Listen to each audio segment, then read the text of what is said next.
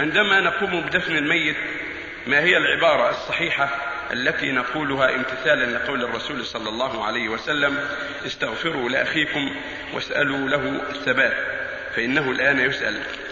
عند الدفن يقال بسم الله وعلى ملة رسول الله. وبعد الفراغ يستحب له أن يقف عليه ويقول اللهم اغفر لفلان اللهم اغفر له اللهم ثبته بالقول الثابت لأن الرسول عليه كان إذا فرغ من الميت فرغ من الدفن.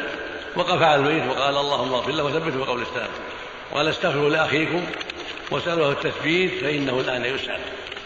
يسأل له المغفرة والرحمة والثبات على الحق. يوقف بعد بعض الوقت ثم ينصرف. ما هو لازم لا مو لازم. على أي حال كان